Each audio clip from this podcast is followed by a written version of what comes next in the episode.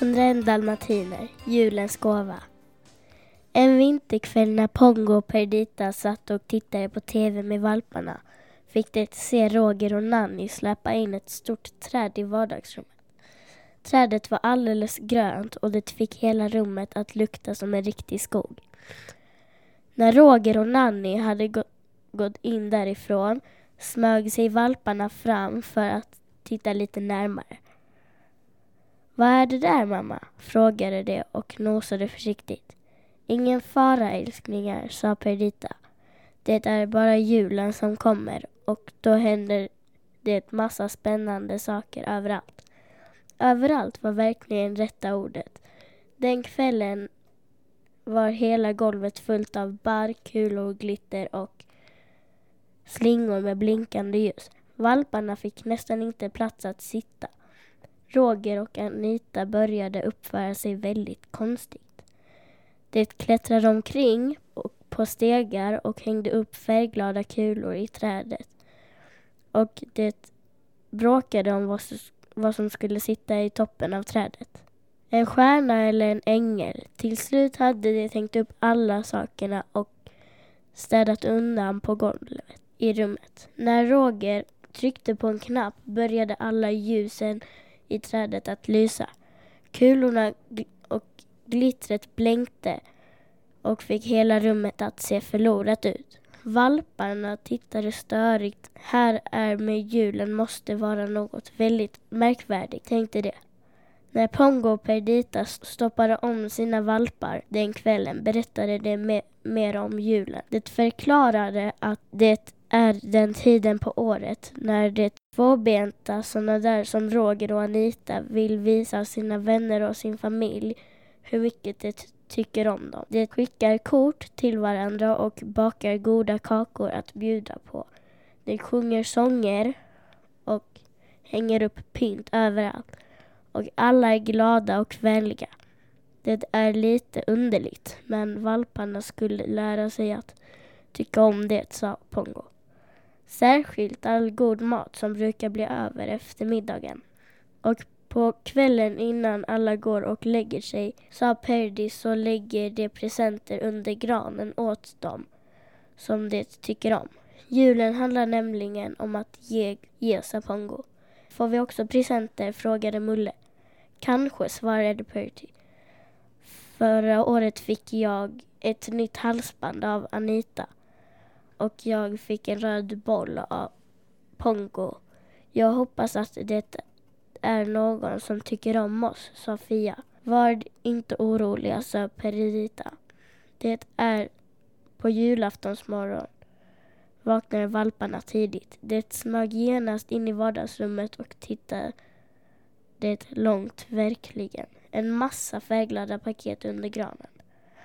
Det är någon som tycker om oss, sa fläcken.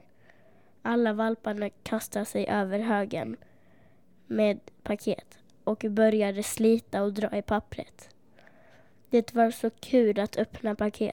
Flax lyckades få upp en låda och nosade ivrigt innehållet. Parfym, sa han och grimasade. Fia drog fram en prickig slips. Vad nu då? Behöver jag ännu fler prickar? Fläcken höll besviket upp en spetsnäsduk och när pricken lyfte upp ett nattlinne i munnen stönade alla. Åh nej! Just då hörde de Roger och Anita ute i hallen. Göm er snabbt, viskade Mulle. Och snart var alla valpar försvunna bakom soffor, kuddar och gardiner. Det hörde fotsteg närma sig och sedan Rogers röst från dörröppningen. Vad i alla världen? Men kära nån då, sa Anita. Perdi och Pongo, var är ni? ropade Roger.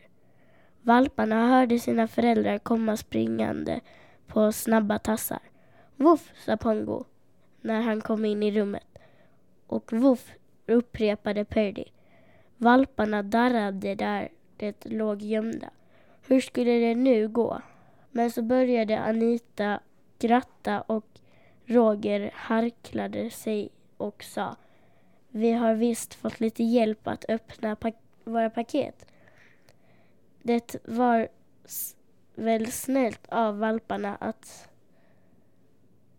Det var väl snällt av valparna, sa Anita efter en stund. Vi måste tacka dem ordentligt, sa Roger. Valparna, var är ni?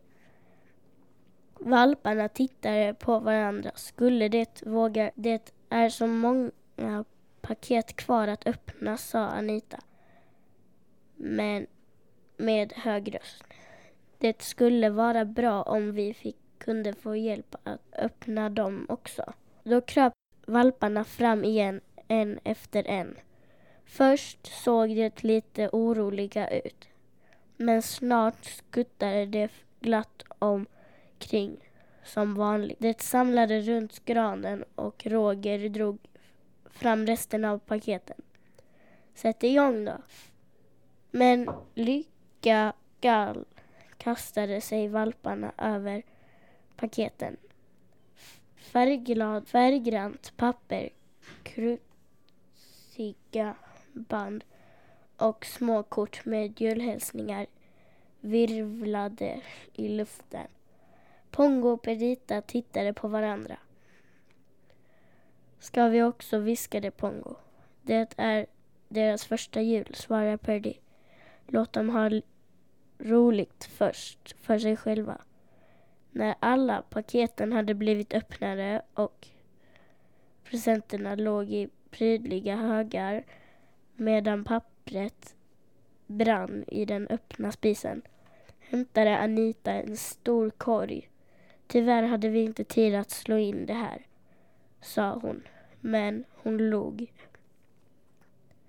Ni har kanske arbetat nog för idag och var nog för idag. Var nog en var nog och en av valparna fick en leksak och längst ner i korgen låg varsin röd och grön jultröja till Pongo och Perita. Anita hade skickat dem själv, sa Roger. När Firandet var slut och det sista revbensspelet var uppstoppade i Perdis och valparna i deras korgar. Vi tycker om julen, sa Peppar. Vi tycker om våra nya leksaker, sa Mulle. Vi gillar omslagspapper, sa Pricken. Kom ni ihåg att vi sa att julen handlar om att ge? frågade Purdy. Alla valparna nickade. Det är också en gåva att kunna förlåta, sa Pongo milt. Ni hade tur att Roger och Anita var på sitt bästa julhumör. Valparna såg sig förvånat på honom. Läst av Isabella Arvarsson i klass 3B på Mölnbyholmsskolan.